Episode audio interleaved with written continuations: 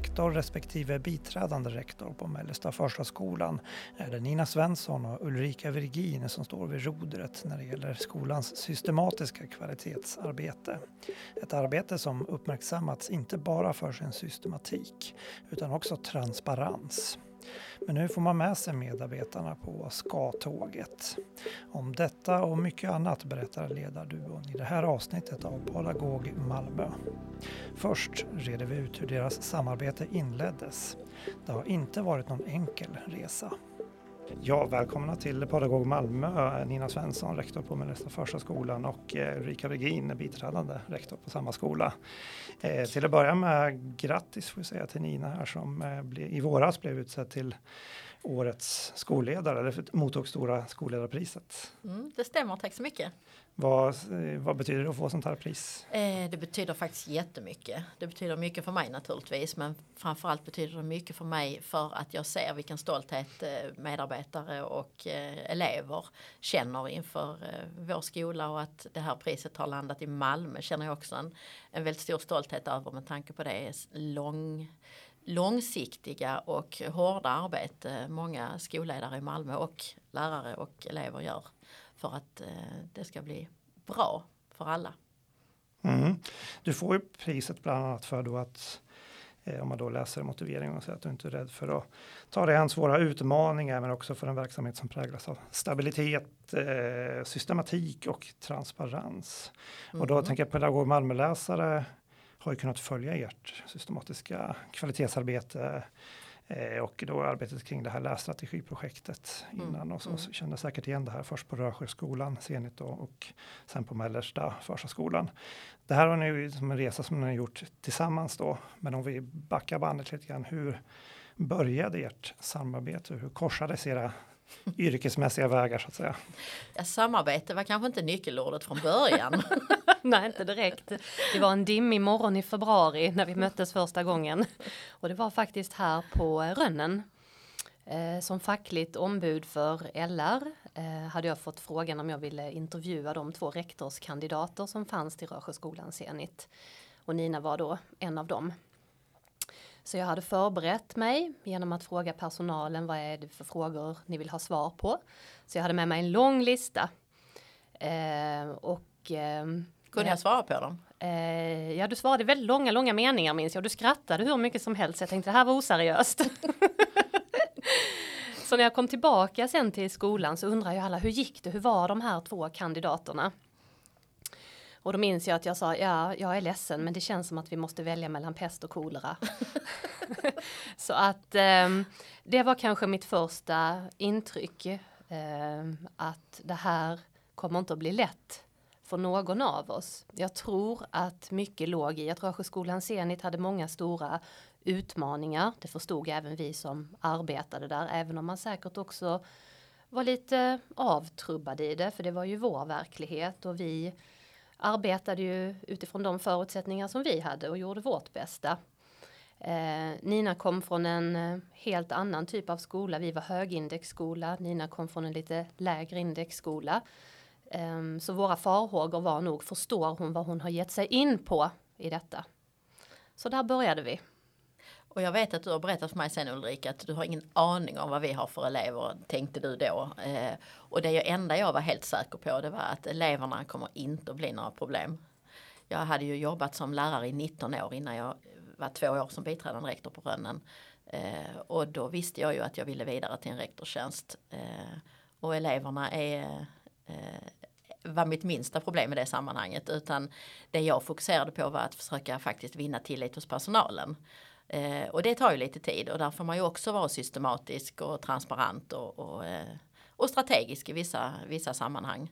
Eh, mm. Mm. Så vi stöttes och blöttes där under hösten på samverkan. Um, och när vi kom fram till julen så tänkte jag att nej, det här är inte min väg att vandra. Um, så att uh, jag sökte nytt jobb och fick det och eh, ringde Nina och sa upp mig en kväll. Eh, men lovade att jag skulle arbeta terminen ut för jag hade nio år att ta ansvar för bland annat. Eh, men under den våren sen så hände det någonting. Jag tyckte att jag anade ett uns av besvikelse ändå när jag berättade att jag inte tänkte vara kvar. Ehm, Så att när vi närmade oss sommaren så hade vi en ny dialog och då erbjöd du mig en ny tjänst som pedagogisk samordnare för du hade väl trots allt kanske sett någonting. Mm. Um, Jag visste ju att eh, Ulrika var väldigt duktig på det hon gjorde och min prioritering har alltid varit verksamheten. Inte att saker och ting ska vara väldigt enkelt för mig själv. Eh, för jag tyckte det var jobbigt när vi möttes i samverkan och i olika sammanhang och jag tror inte att Ulrika förstod då. Eh, det har jag ju berättat för henne efteråt. Eh, hur rädd du var för hur mig. mycket? Nej, vi ska inte överdriva nu. Men jag, var, jag fick ju lära mig mycket. Jag var väldigt påläst innan vi gick på våra möten för att kunna eh, liksom komma vidare. Eh, så, och en, under hösten så sa jag till min dåvarande utbildningschef att den här skolan är för liten för oss båda.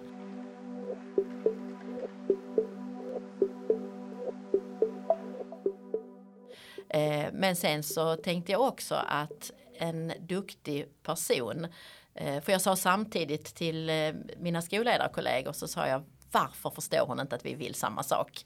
Eh, Det var väl den där systematiken som inte var tillräckligt transparent och vad jag egentligen ville. Eh, Men ibland behöver man först göra innan man eh, berättar hur det ska göras. För att då kan man också i nästa steg säga att det här ska, eh, har vi redan gjort och det här är strukturerna för det. Och då känns det inte lika övermäktigt att överbrygga. Eh, så att det, jag är fortfarande nöjd med strategin och Ulrika sitter ju här. Så att Någonting bra. gjorde du rätt. Nej men jag beundrar ditt, ditt mod i det. Och det gör jag ju fortfarande, det vet du. Att jag tycker att eh, du vågar dels utmana eh, oss som arbetar med dig och har höga förväntningar och så vidare. Och någonstans så, så triggar ju det mig som är en tävlingsmänniska i det hela. Ehm, och jag förstod nog när det här året var till ända att jo, men det fanns någonting, det fanns en tanke bakom allting vi hade gjort, så poletten trillade ju ner. Eh, och det var nog det som krävdes. Och därefter så eh, har vi haft ett väldigt tajt samarbete. Ni har gjort en, en verkligen en resa tillsammans. Mm. f- Får man ju uppfattningen om. Men det var någonting som skavde lite i början men så sa ni liksom ni har eh, lärt känna varandra sen då. Vad skulle ni säga var, vad, eh, vad tror ni att vad, vad var det som skadade lite grann i början här? Vad var det som, Ja, men jag hade ju en väldigt klar plan i mitt huvud vad jag ville med organisationen, hur den skulle se ut. Eh, men någonting som alltid varit väldigt viktigt för mig det är bemötandet gentemot eleverna. Får vi inte eleverna med oss så spelar det ingen roll vilka insatser vi gör. Om, om vi inte har elevernas tillit eh, och att de tror att vi är vuxna som kommer att stanna kvar. Vi är där oavsett egentligen hur de, vad de gör och hur de gör det. Eh, så står vi stadigt. Eh, och jag vet också hur man vinner elever. Eh, men jag tror inte att när jag kom som ett blankt kort så visste man inte vilka verktyg eller vilka förmågor jag hade att faktiskt få med mig elever. Eh, och att tanken när jag då lät elever måla väggar, köpa in soffor. Eh, det kändes säkert för en del för Ulrika vet jag att herregud vad är nu detta ska det bli liksom myshörnor på skolan. Men det handlade ju om att vinna eleverna att låta oss göra det som sen måste göras. Eh, och det är klart att det kunde jag kanske kommunicera tydligare men jag tror inte att det hade hjälpt utan jag tror man måste se och förstå resultaten. Och vi fick väldigt snabba resultat när vi gjorde om eh, i, i lokalerna och i miljön. Det var ju eh, det låg ju över oss ett vite kring att stänga hela matsalen när jag började. Därför att det var så dålig arbetsmiljö i matsalen. Och det tog ett par, ja, två månader sen var det utraderat. Eh, och eleverna fungerade i matsalen.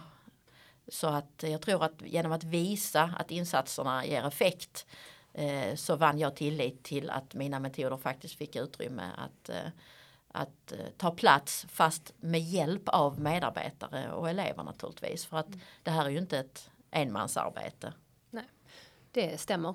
Jag kan bekräfta det fullt ut att eh, Nina är nog en av de skickligaste strategerna jag känner. Ehm, så att eh, när man väl har fått förtroendet och känner tilliten så vet man att Nina hon vet vad hon gör i alla lägen. mm. Om ni ska ta någonting så här från re- respektive så några viktiga lärdomar från de här första åren av, av samarbete. Är det något som, som, som ni vill peka på?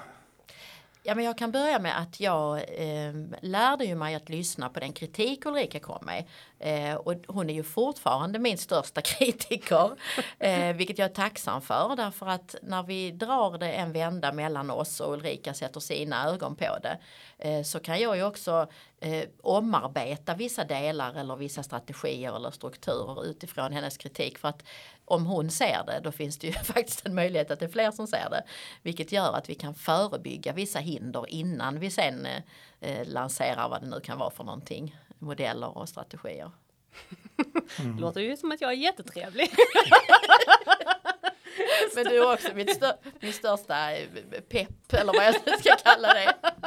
Men hur kommer man till den, den eh, platsen då där man kan liksom på ett eh, bekvämt sätt eh, komma med kritik och det kanske inte var självklart från början. Eh, absolut så var det det. Eh, det har jag aldrig haft svårt för eh, tycker jag. Sen gäller det ju att vara konstruktiv i sin kritik. Eh, väldigt stor skillnad på det och gnälla och det tror jag inte att jag någonsin har gjort utan jag har försökt lyfta det eh, mm. på ett bra sätt och ifrågasatt det som jag faktiskt ser att det kanske finns brister i eller saker man kan göra annorlunda och så. Ehm, mm. Mm. Men jag är också väldigt grundad i det jag tror på. Eh, så att jag är inte så osäker om någon tycker att det jag säger eller gör är fel. Då eh, tänker jag att ja men så kan det vara naturligtvis. Jag sitter ju inte på facit. Eh, så jag känner mig rätt så trygg i att ibland ändra, justera, lyssna in. Vilket jag tror är en framgångsfaktor. I grunden är jag väldigt trygg i, eh, i allt arbete jag gör i skola. Eh, och då i det ligger ju också att vara trygg i att kunna ändra sig, eh, erkänna att man har fel och, och backa i vissa lägen. Mm, och jag tänker också att så länge vi vet att det finns en ömsesidig respekt oss emellan mm. och att man vill varandra väl mm. så förstår man ju också att det vi säger till varandra är ju för att stötta och hjälpa varandra. Mm.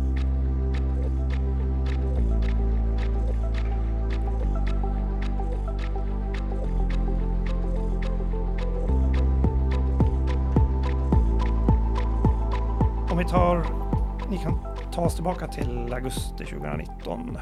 när Mellersta första skolan skulle återinvigas kan man säga som en mm. högstadieskola. Mm.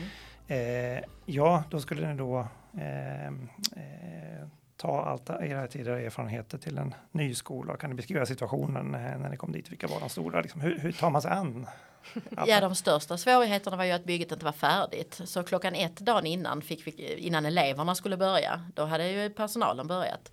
Eh, då hade vi inte fått klar, klartecken för eh, brandskyddet än. Så jag visste ju inte förrän klockan ett dagen innan eleverna började om vi skulle kunna ta emot några elever.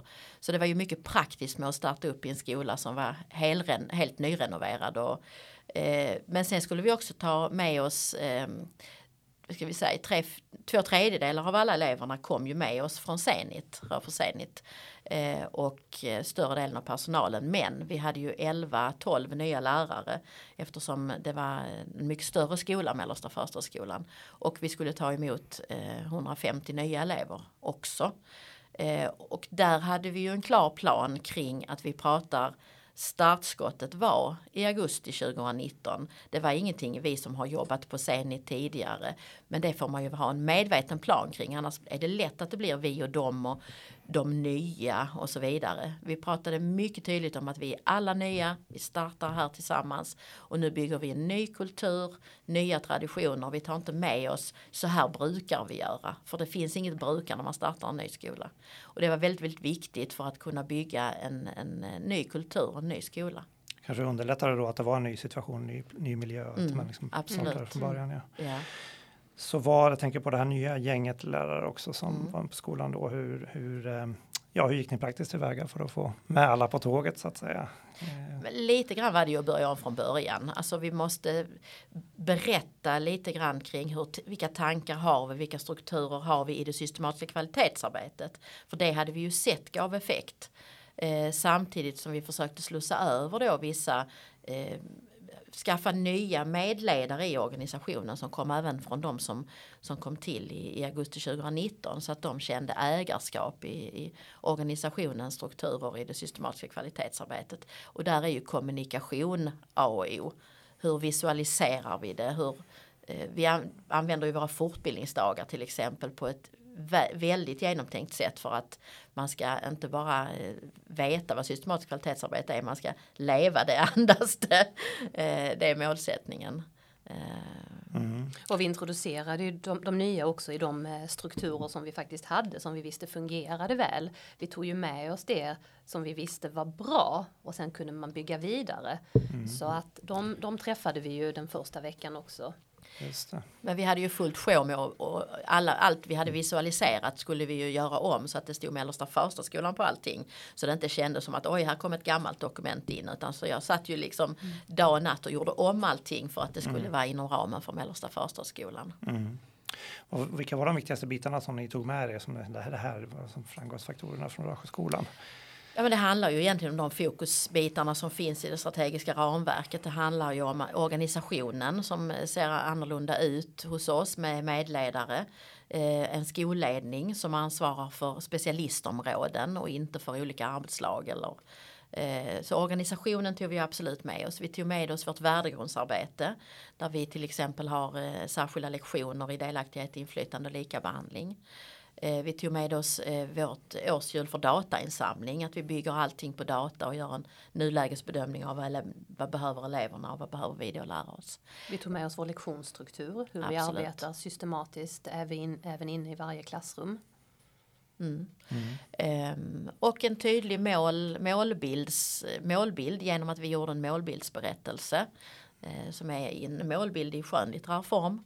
Um, Mm, och lärande tillsammans utifrån Timperleys eh, eh, Spiral of Inquiry där vi jobbar med vårt eget lärande utifrån elevernas behov. Alla de delarna var ju skelettet i hur vi jobbade i det systematiska kvalitetsarbetet. Mm. Och de var vi ju, tog vi ju med oss absolut. Men vi var tvungna att kommunicera kring det på nytt ja. för att grunda det och visualisera säger du kan, hur det konkret till exempel. Vi har ju till exempel vår kugghjulsbild som vi har gjort.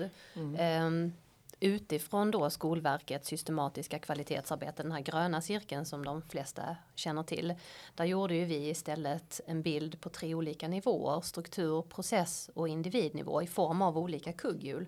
För att man skulle förstå hur allting hänger ihop, den röda tråden och hur man själv är en del i detta. Och där skruvar ju vi ständigt på de här olika kugghjulen och det hjälper alla till. Men jag tror att det här har hjälpt också mm. all personal att förstå eh, vad verksamheten egentligen handlar om och mm. att vi måste ut i de små kugghjulen i klassrummen där magin sker för att det vi tänker på struktur och process verkligen ska ha en effekt.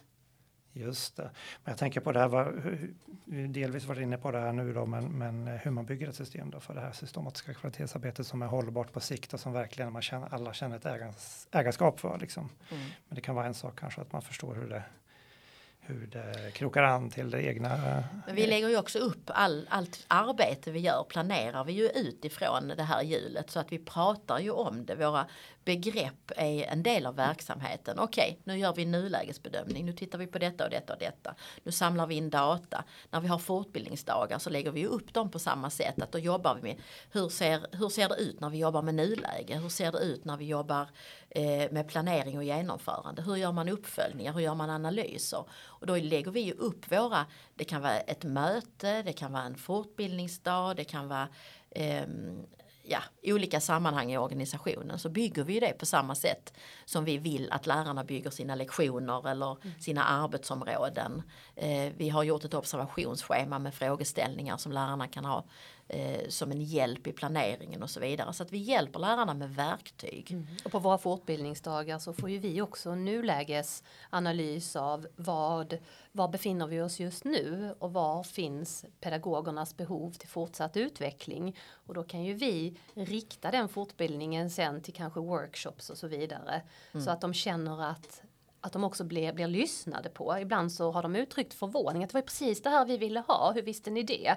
Ja, därför att de övningar vi gör och så ger ju oss datainformation hela tiden om man arbetar systematiskt. Mm. Mm. Och sen får de jobba med praktiska övningar. Detta läsår till exempel så hade vi i början av hösten en, en eh, retorikprofessor på besök på en fortbildningsdag och vi jobbade med berättande och teorier kring berättande och hur man kan berätta i klassrummet. När vi nu avslutade förra veckan med en fortbildningsdag då fick man eh, göra övningar i grupp, personalen då, kring att skriva ett hyllningstal. Och då gör vi ju det i ett sammanhang som blir lite roligt, att man fick skriva hyllningstalet till matematiken och till kollegorna och så vidare. Och sen hålla de här hyllningstalen. Så att man på något vis tänker cirkulärt i alla sammanhang och att vi knyter ihop säcken eh, på olika sätt, men så det blir begripligt.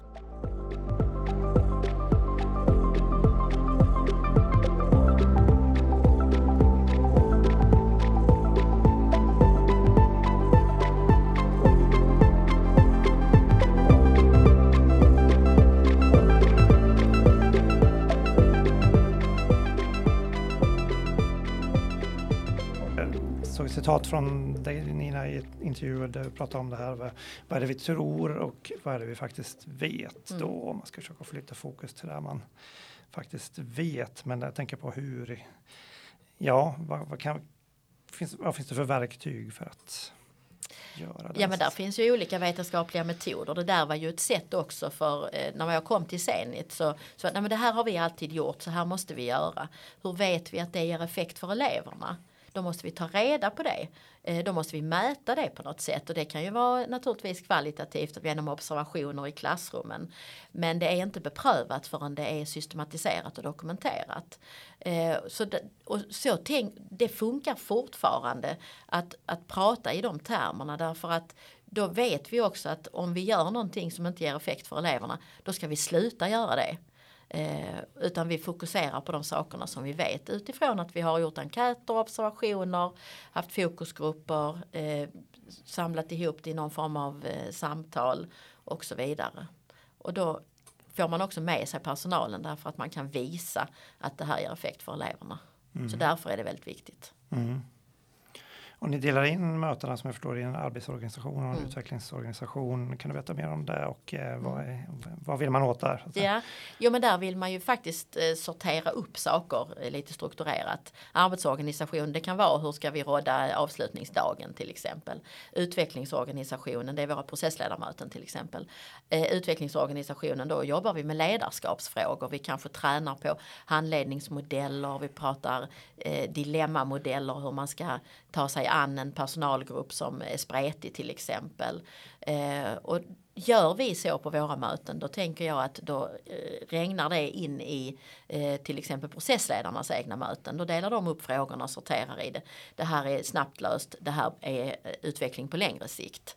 Eh, så det handlar ju om att modellera hela tiden vad man vill ska eh, känneteckna organisationen på olika sätt. Mm. Mm. Modellera och inspirera.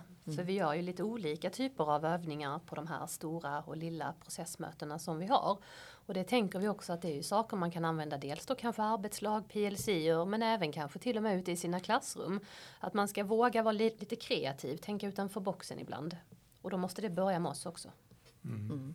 Det, det, det, man kan ju inte vara pedagogisk ledare utan att försöka tänka pedagogik och, och, och hur man arbetar pedagogiskt. Eh, det, där ligger ingen trovärdighet i det om jag bara pratade siffror och var administratör och sen kallade mig pedagogisk ledare. Eh, det behöver man leva. Det behöver synas. Mm. Ni var inne, ni beskrev i början här hur ni i, träffades och började jobba ihop. Och så, så här. Om ni lyfter blicken lite grann, eh, vad, vad tror ni att, vad är det som gör att eh, samarbetet funkar? Är det någonting att eh, ni kompletterar varandra? Mm, vi är sätt. lika på vissa delar och vi kompletterar varandra i andra delar. Men grunden är ju att vi är eh, målfokuserade, Envisa. eh, arbetsmyror. Ja. Ehm, Vi har roligt tillsammans. Ja, Vi skrattar ju väldigt mycket. Ja. Allihopa på jobbet, inte bara vi. nej. Utan det här För vi ska ju alla. nämna här i det här sammanhanget, vi är ju fyra i ledningsgruppen. Chas Sköld som är administrativ chef och Björn Gustafsson som är biträdande rektor med ansvar för elevhälsan och, och grundsärskolan som vi har. Eh, och vi har väldigt roligt tillsammans. Och det tror jag är en förutsättning. Jag är egentligen lustdriven. Jag är inte bara arbetsmyra med Luther på axeln utan jag är väldigt lustdriven. Eh, så länge det är roligt eh, fortsätter jag. Mm. Mm, och jag är väl lite mer den då som har uppföljningsansvaret och kommer med piskan där ibland. Eller pekfingret. Just det, just det. Ja, vi ska strax avrunda här, men jag tänkte på det, hur stora utmaningarna framåt skulle ni säga? Vad, kan du beskriva vad är liksom top of mind hos er just nu? Eh, slutet på vårterminen 2022 på Mellersta Förstaskolan. Mm. Eh, vi har alltid utmaningar så länge inte 100% av våra elever kommer in på gymnasiet. Så är det. Eh, då gäller det att vara kreativ och titta på okej okay, hur ser det ut nu då? Vi har ökat eh, måluppfyllelsen. Hur kan vi öka den ytterligare? Hur kan vi göra ännu mer? Hur kan vi göra ännu bättre? Eh, så, så länge inte alla elever kommer in på gymnasiet så, så har vi utmaningar framför oss. Mm. Mm. Det gäller ju att försöka hitta nya sätt att nå eleverna. Lässtrategiprojektet var ju ett sätt. Men vi känner nog nu att vi behöver vara ännu mer kanske kreativa vad gäller till exempel svenska, svenska som andraspråk för att öka där både elevernas lust och förståelse. Och vi ger oss ju inte förrän vi även når de eleverna som kanske inte uppenbart vill bli nådda. Så det är ju där det är det svåraste, de svåraste utmaningarna, till exempel hemmasittare. Eh, hur når vi, hur får vi till ett samarbete som faktiskt genererar att eleverna återgår i någon form av studier eller skolgång. Eh, så det är en utmaning. Mm. Sen kan man väl säga att eleverna vittnar ju ofta om hur bra de trivs hos oss. De är trygga och de trivs och eh, de sa häromdagen, vi hade ett besök ifrån eh, Kanada och då berättade de ju att de är så nöjda med sin varierade undervisning och att det känns som att lärarna är där för att de tycker det är roligt, inte för att det är deras arbete och det är det bästa betyg man kan få. Mm. Ehm, så det måste vi naturligtvis boosta ännu mer och ehm, sen har vi mycket kul på gång samtidigt. Vi har våra internationaliseringsprojekt. Vi samarbetar här med Erasmus nu. Hur kan vi göra så att det kommer fler till del så att de känner liksom att utbildningen leder till någonting i praktiken. Att det här är min framtid också. Det är det det handlar om. Det handlar om lärandet och förstå sin, sin del i samhället, i det demokratiska samhället och i världen. Hur kan vi vara ett hjälp och stöd i det? Mm. Stort tack eh, Nina Svensson och Ulrika Virgin för att ni var med i Podagog Malmö. Tack själv. Tack. Du har lyssnat på Podagog Malmö, en podd som görs av redaktionen på Pedagog Malmö. Vem vill du höra i podden framöver? Maila oss på pedagogmalmo.malmo.se. Vi finns också på Facebook och där heter vi Pedagog Malmö. you